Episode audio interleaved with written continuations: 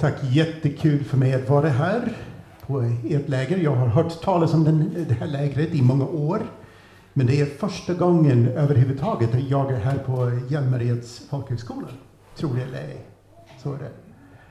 Eh, Eva presenterade några böcker. Jag skulle bara säga ett par ord till uh, om böckerna som jag har tagit med. Eh, för det första så har jag en bok här som heter C.S. Lewis Förnuft och fantasi. Det är en bok som jag skrev och släppte innan jul och det är den första analysen av C.S. Lewis apologetik och teologi på svenska. Jag har läst igenom eh, mer än 40 böcker som han själv skrev och mer än 200 korta texter, artiklar och essäer och sånt och försökt se helhetsbilden med hans tänkande och hur han försvarade den kristna tron. Och eh, så lägger jag fram resultatet här i den här boken. Den finns, eh, 234 kronor kostar den. Och sen har jag den här lilla boken, den är, wait, den flyger iväg, den är så lätt. Eh, och eh, den heter Det där med Guds vilja, brev till min son. Eh, jag har en son som är 18 år, eh, David heter han. Han tog studenten här i juni. Och eh, för ett år sedan så funderade jag lite på att ja, han tar studenten om ett år och det var tänkt att han skulle gå Credoakademin när han tog studenten eftersom jag har jobbat som lärare på Credoakademin i ja, 20 års tid. Eller så. Men många av er vet att vi fattade beslutet att lägga ner Credoakademin för ett år sedan för att utveckla ett nytt arbete. Eh, och så jag funderar på, vad är det som ungdomar som min son David behöver veta och en sak som jag vet är, genom många års samtal med studenterna på Credoakademin var ett återkommande tema var just hur kan jag hitta Guds vilja? Hur vet jag om jag ska, vad jag ska plugga och var, om jag ska satsa på den här relationen eller inte och, och var jag ska bo och, och ska jag bli präst eller missionär eller ska, vad ska jag göra med mitt liv? Stora frågor. Och det som jag skrev eh, här Inom de närmaste tio åren kommer du att fatta några av ditt livs viktigaste beslut. Så jag bestämde mig att, att skriva en bok till min son David som studentpresent. Och det blev en total överraskning. Han visste ingenting om det förrän han fick öppna upp den här boken när han tog studenten. Eh, och det var en bedrift bara i sig. För att bara tre dagar innan var, var vi hos eh, Anna och Lasse eh, Axelsson här när Mikaela hade sin studentfest. Och det var massor med credo-människor med på festen där. Och, och det var flera av dem som visste att boken redan var släppt. Och så, jag sa, ah, men hur går det med din nya bok? Vad kul! Vad, vad tyckte David om den när han såg den? Och så, nej, nej, får inte prata om det. så, men vi lyckades hålla den hemlig. Uh, men jag har fått väldigt mycket positiv feedback för den, uh, uh, om just den här boken. Och ni kan prata med Lasse och Anna som håller på med att läsa den om ni vill få lite ja, oberoende åsikter om den.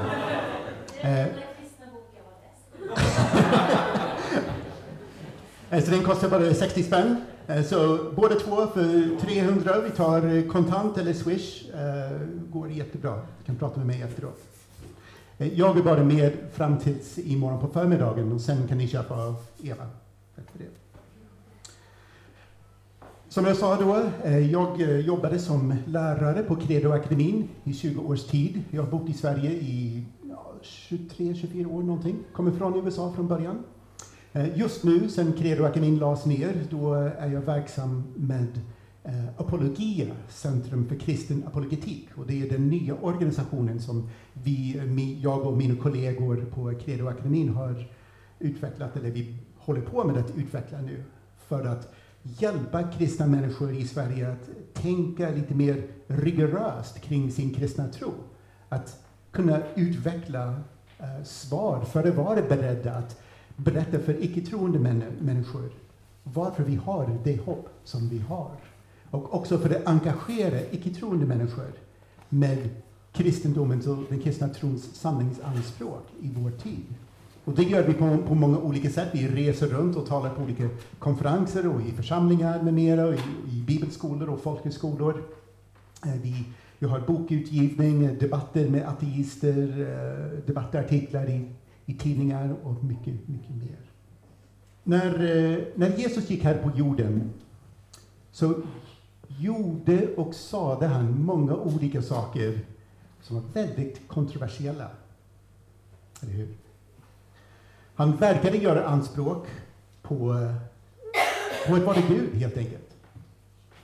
Och det är sånt som många människor i vår tid, vi kanske har svårt att förstå det, men människor på den tiden som var väldigt bibelsprängda och förstod de gammaltestamentliga, de hebreiska skrifterna, eh, de, eh, de förstod mycket väl vad Jesus höll på med.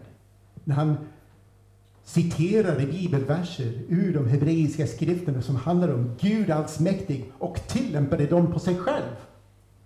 Och sa, idag uppfyller jag det här. Så när Jesus gick här på jorden så fanns det religiösa ledare där som försökte att klura ut, vem är den här egentligen? Vad håller han på med? Att säga sådana saker som han gör, det får man bara inte göra. Och han hade inte läst hos de rätta rabbinerna, han tillhörde inte de rätta innekretsarna. Så att fariseerna, saduceerna, de religiösa ledarna på den tiden, de försökte sätta dit Jesus vid flera olika tillfällen genom att ställa kuggfrågor till honom. Idén var hela tiden att försöka avslöja honom som en falsk profet som de kunde avvisa. Vi läser om ett sådant tillfälle i Matteus evangelium kapitel 22. När fariseerna fick höra hur han hade gjort saduceerna svarslösa samlades de och för att sätta honom på prov frågade en av dem, en laglärd, Mästare, vilket är det största budet i lagen? Han svarade honom, du ska älska Herren din Gud med hela ditt hjärta och med hela din själ och med hela ditt förstånd. Detta är det största och första budet. Och sedan kommer ett av samma slag. Och du ska älska din nästa som dig själv. På dessa båda bud vilar hela lagen och profeterna. Nu enligt parallelltexterna i Matteus och i Markus och Lukas så citerar Jesus först den judiska trosbekännelsen ur femte Mosebok kapitel 6 och vers 4 som svar. Han säger Hör Israel, Herren är vår Gud, Herren är en. Och du ska älska Herren din Gud av hela ditt hjärta, med hela din själ, med all din kraft. Och just det att Jesus börjar med att citera den judiska trosbekännelsen, så vill han visa fariseerna att han inte tar avstånd från klassisk judisk tro. Nej, tvärtom. Att han vill till och med gå ett steg, ett steg längre när han menar att vår kärlek till Gud måste ha praktiska konsekvenser för hur vi lever vårt liv. Vi måste älska vår nästa, vilket implicit omfattar alla människor. I början på 90-talet eh, bodde jag i Paris, där jag undervisade på en eh, bibelskola. Och där hade jag förmånen att lära känna en äldre man som hette Earl. Eh, Earl var amerikan, men hade varit missionär i Frankrike i många decennier. Han pratade mycket vacker franska och hade planterat flera olika församlingar på 60-, 70 och 80-talet. En tid då det fanns väldigt många starka antiamerikanska känslor i Frankrike och på en tid då inte ens de protestantiska kyrkorna i Frankrike ansåg att man behövde flera nya församlingar. Jag såg upp till honom som en andlig mentor. Och han hade en, en väldigt djup och innerlig tro och man förstod rent intuitivt när man träffade honom att han är den äkta varan. Den här mannen är genuin alltså. Och jag kommer ihåg att vi satt och fikade en dag och pratade om något helt banalt som jag inte alls kommer ihåg nu för tiden. När han eh, plötsligt bytte samtalsämne. Och han tittade på mig han tittade på mig och sa, du vet Ray, att Herren gav oss ett enkelt bud. Att vi ska älska Herren vår Gud med, av hela vårt hjärta, hela vår själ, hela vårt förstånd, hela vår kraft och älska vår nästa som oss själva. Men så pausade han. Jag kunde se att tårarna började att välla upp i hans ögon. Och så sa han, jag har aldrig gjort det. Och jag bara sa, nej men shit, du får inte säga sånt där.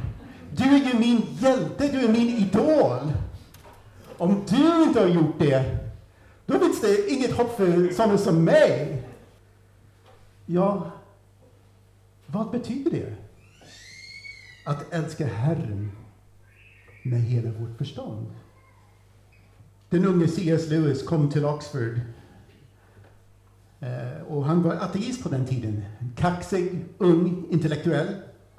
Och han hade aspirationer om att bli en stor, berömd poet. Och genom sin vänskap med J.R.R. Tolkien och flera andra kristna intellektuella så kom han själv till kristen tro. Och sen i mer än 40 böcker som han skrev under de följande 30 åren försökte Lewis att visa exakt vad det innebär att älska Herren av hela sitt hjärta, hela sin själ, sin kraft sitt förstånd. Nu, Lewis menade att eh, tron ska byggas på tre grundläggande idéer. För det första så måste tron vila på sunt förnuft och goda skäl. Sunt förnuft och goda skäl. Och sen för det andra så får inte de här sanningarna om Gud bara förbli teologiska fakta eller abstraktioner. Man måste kunna tillämpa dem i sitt liv genom en personlig överlåtelse och tillit till Gud som, som man har goda skäl att tro på. Och sen för det tredje så menar han att tron kräver en viss uthållighet som håller då trots olika skiftande känslor och situationer som vi möter i livet. Det finns en känd kristen ungdomsorganisation som i alla sina publikationer illustrerar den här idén med hjälp av ett tåg. Och tåget ser ut så här. På loket står det fakta. Dessa fakta är objektivt sanna. Eh, man behöver inte ha kunskap om dem. Man behöver inte tro på dem för att de ska vara sanna. De är sanna oavsett, oberoende av oss. För Lewis eh, då var det viktigt att vi, att vi känner till dessa fakta, att vi har kunskap om dem. Eh, grundläggande fakta. Det är, det är väldigt viktigt i den kristna tron. Och sen på kolvagnen, vagnen här, så står det tro. Och det är den personliga överlåtelsen. Tron blir bränslet som gör att loket kommer till sin rätt. För att utan den personliga överlåtelsen så reduceras dessa sanna påståenden om Gud till någon slags irre irrelevant kuriosa i stil med frågorna på Trivial Pursuit. Jag ska ge er ett eh, belysande exempel ur min egen erfarenhet. Eh, på 80-talet bodde jag på Island, eh, så jag talar isländska också. Jag eh, jobbade då med motsvarigheten till Credo på Island, med studentevangelisation på Islands universitet. Och bland annat så ledde jag en eh, upptäckarbibelstudiegrupp eh, med studenter från universitetet. Och vi studerade evangelierna tillsammans och Jesu möten med människor av olika linnen där. En av de trogna deltagarna i gruppen var en ung kille från det kommunistiska Kina. Och han hade ingen tidigare kunskap om kristen tro, eller Bibeln eller så. Men han insåg att nu när han har kommit till västerlandet, att han måste förstå någonting om kristen tro och Bibeln, för den har spelat en så stor och avgörande roll för det västerländska kulturarvet. Så han kom med i, i vår bibelstudie varje vecka. Och vi brukade spela upp de här eh, berättelserna ur evangelierna när Jesus möter dessa olika människor, lite som radioteater. Det är en människa som läser alla Jesu repliker, en annan som blir lärjungen, en annan som blir fariseerna eller Maria eller vilket det nu är som, som finns med i berättelsen. Och den här kinesiska killen, han ville vara Jesus varje gång. Så det hade gått kanske ett halvår eller så. Han hade varit med en hel del nästan varje gång. Och, så jag frågade honom. Så, så eh, vad, vad tycker du? Alltså, vad anser du om Jesus Kristus? Och han sa, jo, jag tror att Jesus är världens frälsare. Men för honom var det bara att konstatera ett faktum. Det handlade, handlade ingenting om personlig överlåtelse. Han trodde inte på Jesus så som vi tror på Jesus. Utan han trodde att Jesus är världens frälsare ungefär som man tror att Reykjavik är Islands huvudstad. På ungefär den nivån. Så att de här sanningarna om Gud får inte bara förbli abstraktioner. Utan det måste, det måste vara en, en grund, utgöra en grund för den personliga överlåtelsen.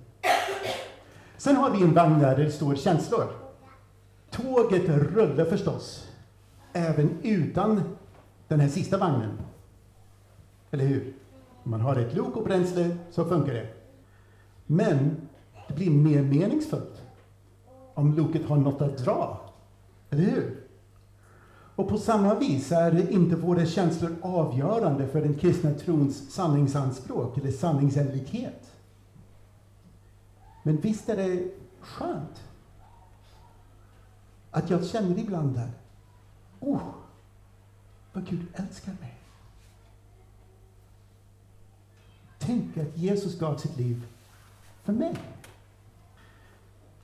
Vi har eh, antagligen alla varit med om sådana tillfällen där Gud har känts mer påtaglig eller mer närvarande än vid andra tider. Kanske en stor kristen konferens eller eh, en inspirerande gudstjänst med mycket berörande musik och, och bra undervisning. Men dessa religiösa upplevelser avgör inte den kristna trons sanningsenlighet. Problemet är om man sätter känslorna i första rummet, om man skriver känslor här på loket, då kan man få en subjektiv bekräftelse på idéer som saknar en objektiv grund. Ja, så man kan rättfärdiga nästan vad som helst. Om jag ska vara lite, lite, lite taskig, så kan jag ta ett exempel från mormonerna. Hoppas att det inte finns några mormoner här ikväll. Vet inte om ni har pratat med eh, mormonmissionärer någon gång. Eh, förut så bodde jag med min familj på gångavstånd från mormonernas tempel i Västerhaninge.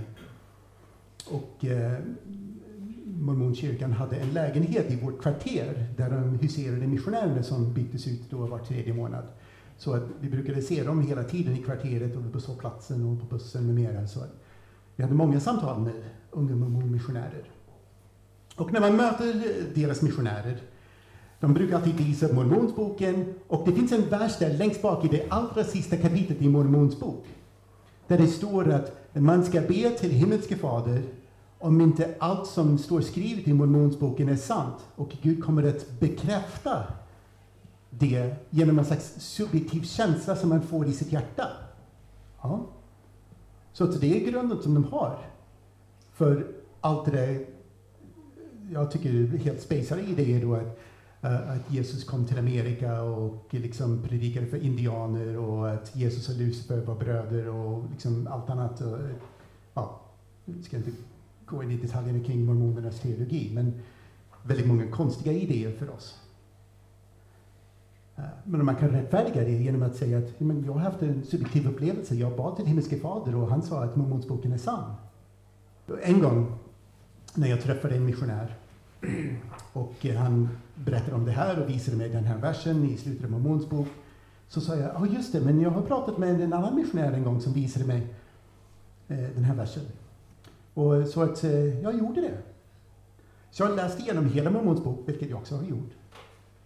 Och jag bad till Gud om det som stod där var sant. Och missionären, hans ögon blev så stora. Så, Jaså? Ja, och Gud sa till mig att förutom delar som var plagierade ur Gamla Testamentet så var resten bara bullshit. Han började tappa hakan. Så, eh, eh, eh, jag, jag, visste inte riktigt vad han skulle säga då. Men alltså, illustrerar, jag säger inte det bara för att jag ska briljera med liksom, hur bra jag är eller så. Men bara för att illustrera att man, om man sätter känslorna då i första plats som man gör här, så kan man rättfärdiga även de mest korkade idéerna. Idéerna som saknar en grund i verklighet, som inte är sanna påståenden om Gud och om människans relation med Gud. Men å andra sidan, om man tar tron här och sätter den på första plats här, om vi skriver tron på loket, då sluter man en form av fideism, som det heter. Fideism, och det är idén att, att man ska tänka, eh, man, man ska tro bara för trons skull. Man ska tro bara för att det är absurt. Tron behöver inte ha någon sund förklaring, behöver inte ha någon faktisk grund, utan man tror bara för trons skull. En form av religiös existentialism. Nej, det är väldigt viktigt att vi har just fakta här som en grund, som den viktigaste drivkraften för vår tro. Men att den följs upp av den personliga överlåtelsen. Och sen om vi får de här känslorna som lite grädde på moset, det är gott. Men det klarar vi oss också utan. Nu, förnuftet eller förståndet ska inte bara vara en av grundpelarna i den kristna tron. Själva fenomenet kan vara ett argument för Guds existens. C.S. Lewis menar att om man förnekar Guds existens och bejakar naturalism, naturalism är idén att det fysiska universum är det enda som finns. Det finns ingen själ, ingen gud, inget liv efter detta. Bara det som har fysiska orsaker, orsaker och fysiska förklaringar. Eh, alltså om man förnekar Guds existens och bejakar naturalismen, då har man egentligen ingen anledning att lita på sitt förnuft överhuvudtaget. Det kan vara lite svårt att läsa det här, men jag läser för er. Lewis skriver om solsystemet orsakades av en slumpmässig kollision, då, då var tillkomsten av organiskt liv på den här planeten också en slump. Likaså var hela människans utveckling en slump. I sådana fall är alla våra befintliga tankar bara en slump. En slumpmässig biprodukt av atomernas rörelser. Detta gäller materialisternas och astronomernas tankar lika väl som alla andras. Men om deras tankar, alltså materialismens och astronomins, bara är slumpmässiga biprodukter, varför ska vi då tro att de är korrekta? Jag ser ingen anledning att tro att en viss slump ska kunna ge mig en korrekt förklaring till alla de andra slumparna. Det är ju detsamma som att förvänta sig att den slumpmässiga form som pölen bildar när du stjälper omkull tillbringare med mjölk ska ge dig en korrekt förklaring till hur tillbringaren är gjord eller varför den stjälptes omkull. Alltså, som han definierar naturalismen här, är naturen, det fysiska, det enda som existerar. Eh, de, som, som sagt, de förnekar Guds existens, förnekar alla föreställningar om en själ, ett liv efter detta, allt övernaturligt. Ingenting existerar bortom det fysiska universum. Så med sitt argument utifrån förnuftet, eller förnuftsargumentet här, så försöker han visa för det första att naturalism är tankemässigt osammanhängande. Man skulle kunna för, eh, sammanställa argumentet lite så här. Den första premissen är att ingen föreställning kan betraktas som rationell om den bara har icke-rationella, fysiska eller materialis eh, materialistiska orsaker. Så Lewis förklarar här. Så om man utesluter allt det övernaturliga, det enda som finns kvar är det naturliga. Så det måste vara orsaken till allt som finns, inklusive våra tankar. Lewis skriver, det är naturligtvis möjligt att anta att när alla universums atomer stod i en viss förhållande till varandra, som de skulle göra förr eller senare, så skulle ett universellt, universellt medvetande uppstå. Och detta skulle kunna tänka. Och det skulle kunna låta sina tankar tränga in i våra hjärnor. Men tyvärr skulle detta antagande skulle i detta antagande tankarna vara en produkt av det icke-logiska och skulle därför inte ha något värde enligt de lagar vi lever efter dagligen. Så han menar att om naturalismen är sann, då har alla våra tankar och föreställningar bara en fysisk orsak. Och om alla våra tankar och föreställningar bara har naturliga fysiska orsaker, så har vi ingen anledning att föreställa oss att de är resultatet av naturliga processer. Alltså, vi kan inte säga att syftet med evolutionen, och vi liksom tar evolutionen för givet bara för argumentationens skull här. Eh, vi kan inte säga att syftet med evolutionen är att leda oss till logik, till sanna tankar, eller till omdömet att rationella eller förnuftiga förklaringar är bättre än irrationella förklaringar. Om det inte finns något eller någon som en intelligent designer som styr hela evolutionsprocessen, utvecklingsprocessen, då har evolutionen inget syfte alls. Alltså elektrokemiska processer i hjärnan, de bryr sig inte om logik. De bryr sig inte om sanningen eller om förnuftet. I bästa fall skulle de kunna bidra till individens eller till artens överlevnad. Någon slags självbevarelsedrift eller så. Men eh, vinner, man vinner ingenting på att kunna resonera kring sanningshalten i metafysiska påståenden. Alltså man lär sig att undvika vissa giftiga växter och farliga djur för att kunna överleva. Men att undvika logiska felslut bidrar ingenting till individens eller artens överlevnad. Så eh, den andra premissen är att om naturalismen är sann, då kan man förklara alla tankar och föreställningar utifrån icke-rationella eh, orsaker, såsom atomernas rörelser eller biologisk utveckling. Lewis skriver att teorin att tänkandet följaktligen bara är en rörelse i hjärnan är enligt min mening trams. För i så fall är teorin i sig själv bara en rörelse, ett skeende bland atomer, som kan ha hastighet och riktning, men om vilket det vore meningslöst att använda ord som sant och falskt. Så att enligt naturalismen är det fysiska universum det enda som existerar. Och allt som sker i universum kan i princip förklaras utan att behöva blanda in det övernaturliga eller onaturliga orsaker. Och därför gör naturalisten gällande att mänskliga tankar och föreställningar också har fysiska orsaker såsom neurokemiska processer i hjärnan som är icke-rationella. Den tredje premissen då är att om naturalismen är sann då har inga tankar eller föreställningar någon rationell orsak. Och sen en fjärde premiss. Om man bara har, att man bara har goda skäl att acceptera naturalism om den utgör den rationella slutsatsen som man drar utifrån beviset.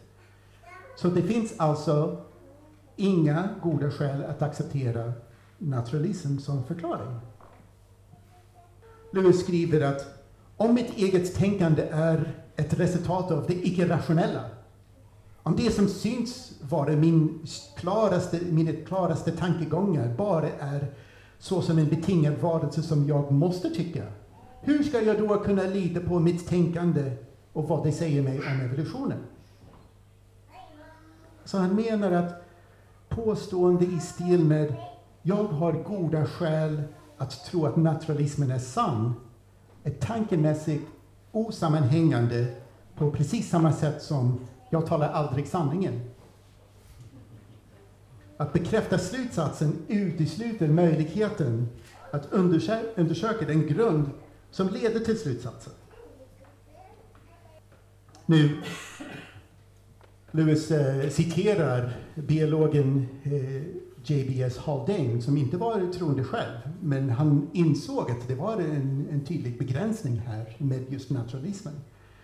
Eh, och Haldane skriver så här. Om mina psykiska processer helt och hållet bestäms av atomen, atomers rörelse, rörelser i min hjärna har jag ingen anledning att anta att mina uppfattningar är riktiga. Och alltså har jag ingen anledning att anta att min hjärna är sammansatt av atomer. Nu, så, så Lewis använder den här tankegången dels för att uh, underkänna naturalism som världsåskådning eller som ett, en livsfilosofi, ett sätt att se på världen.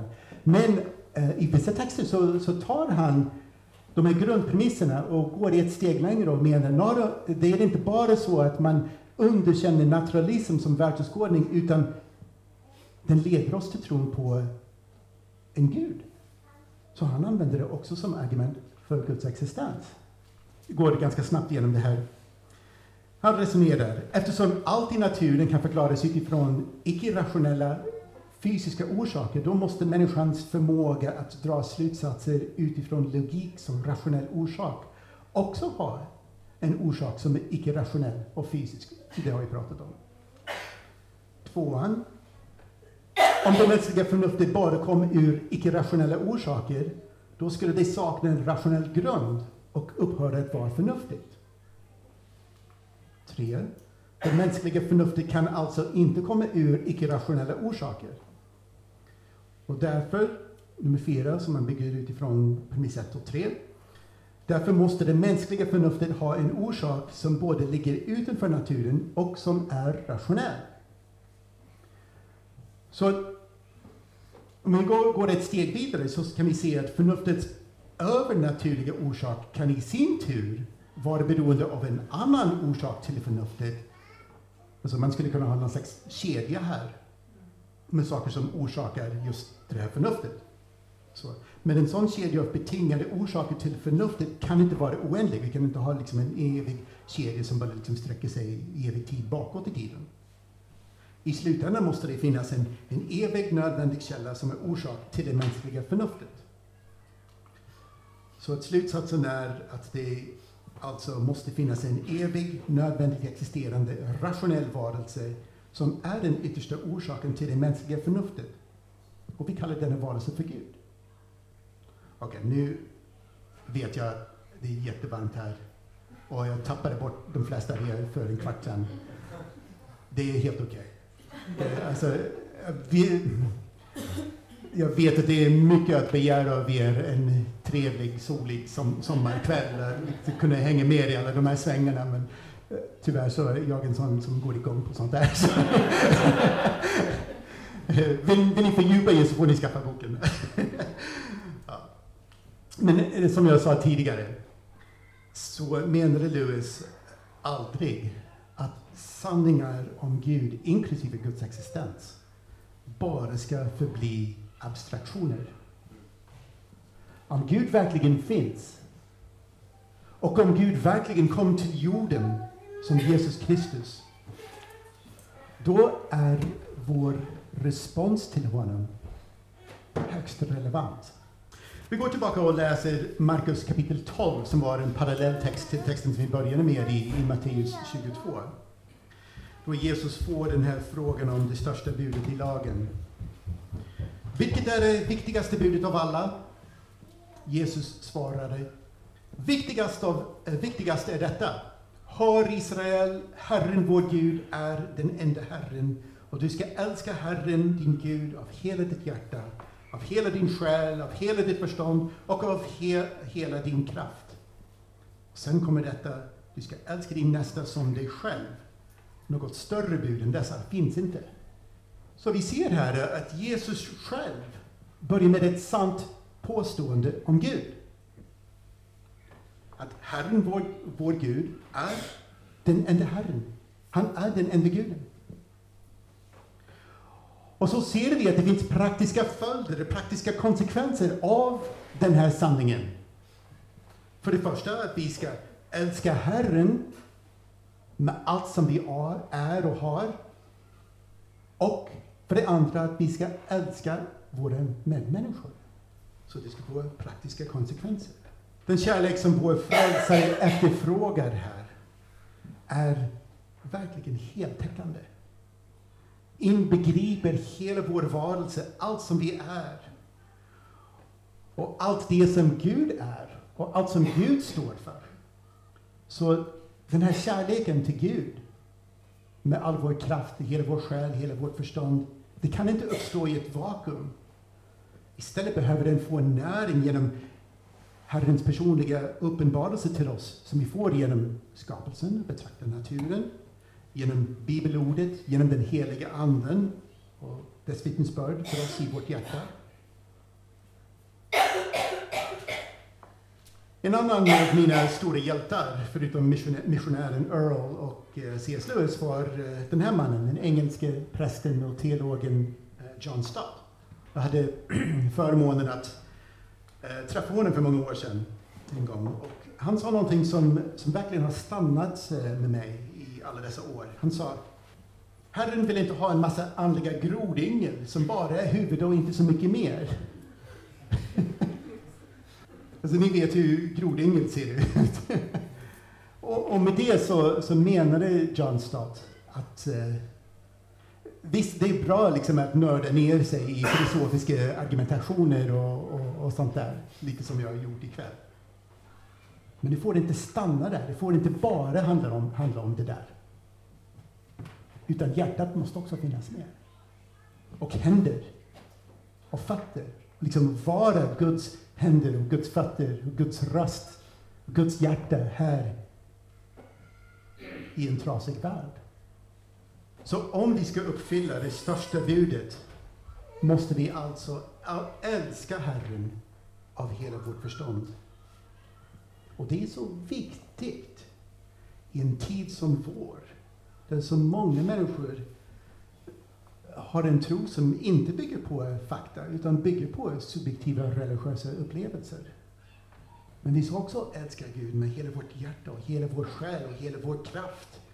Och det gör vi genom att älska vår nästa som oss själva. Amen.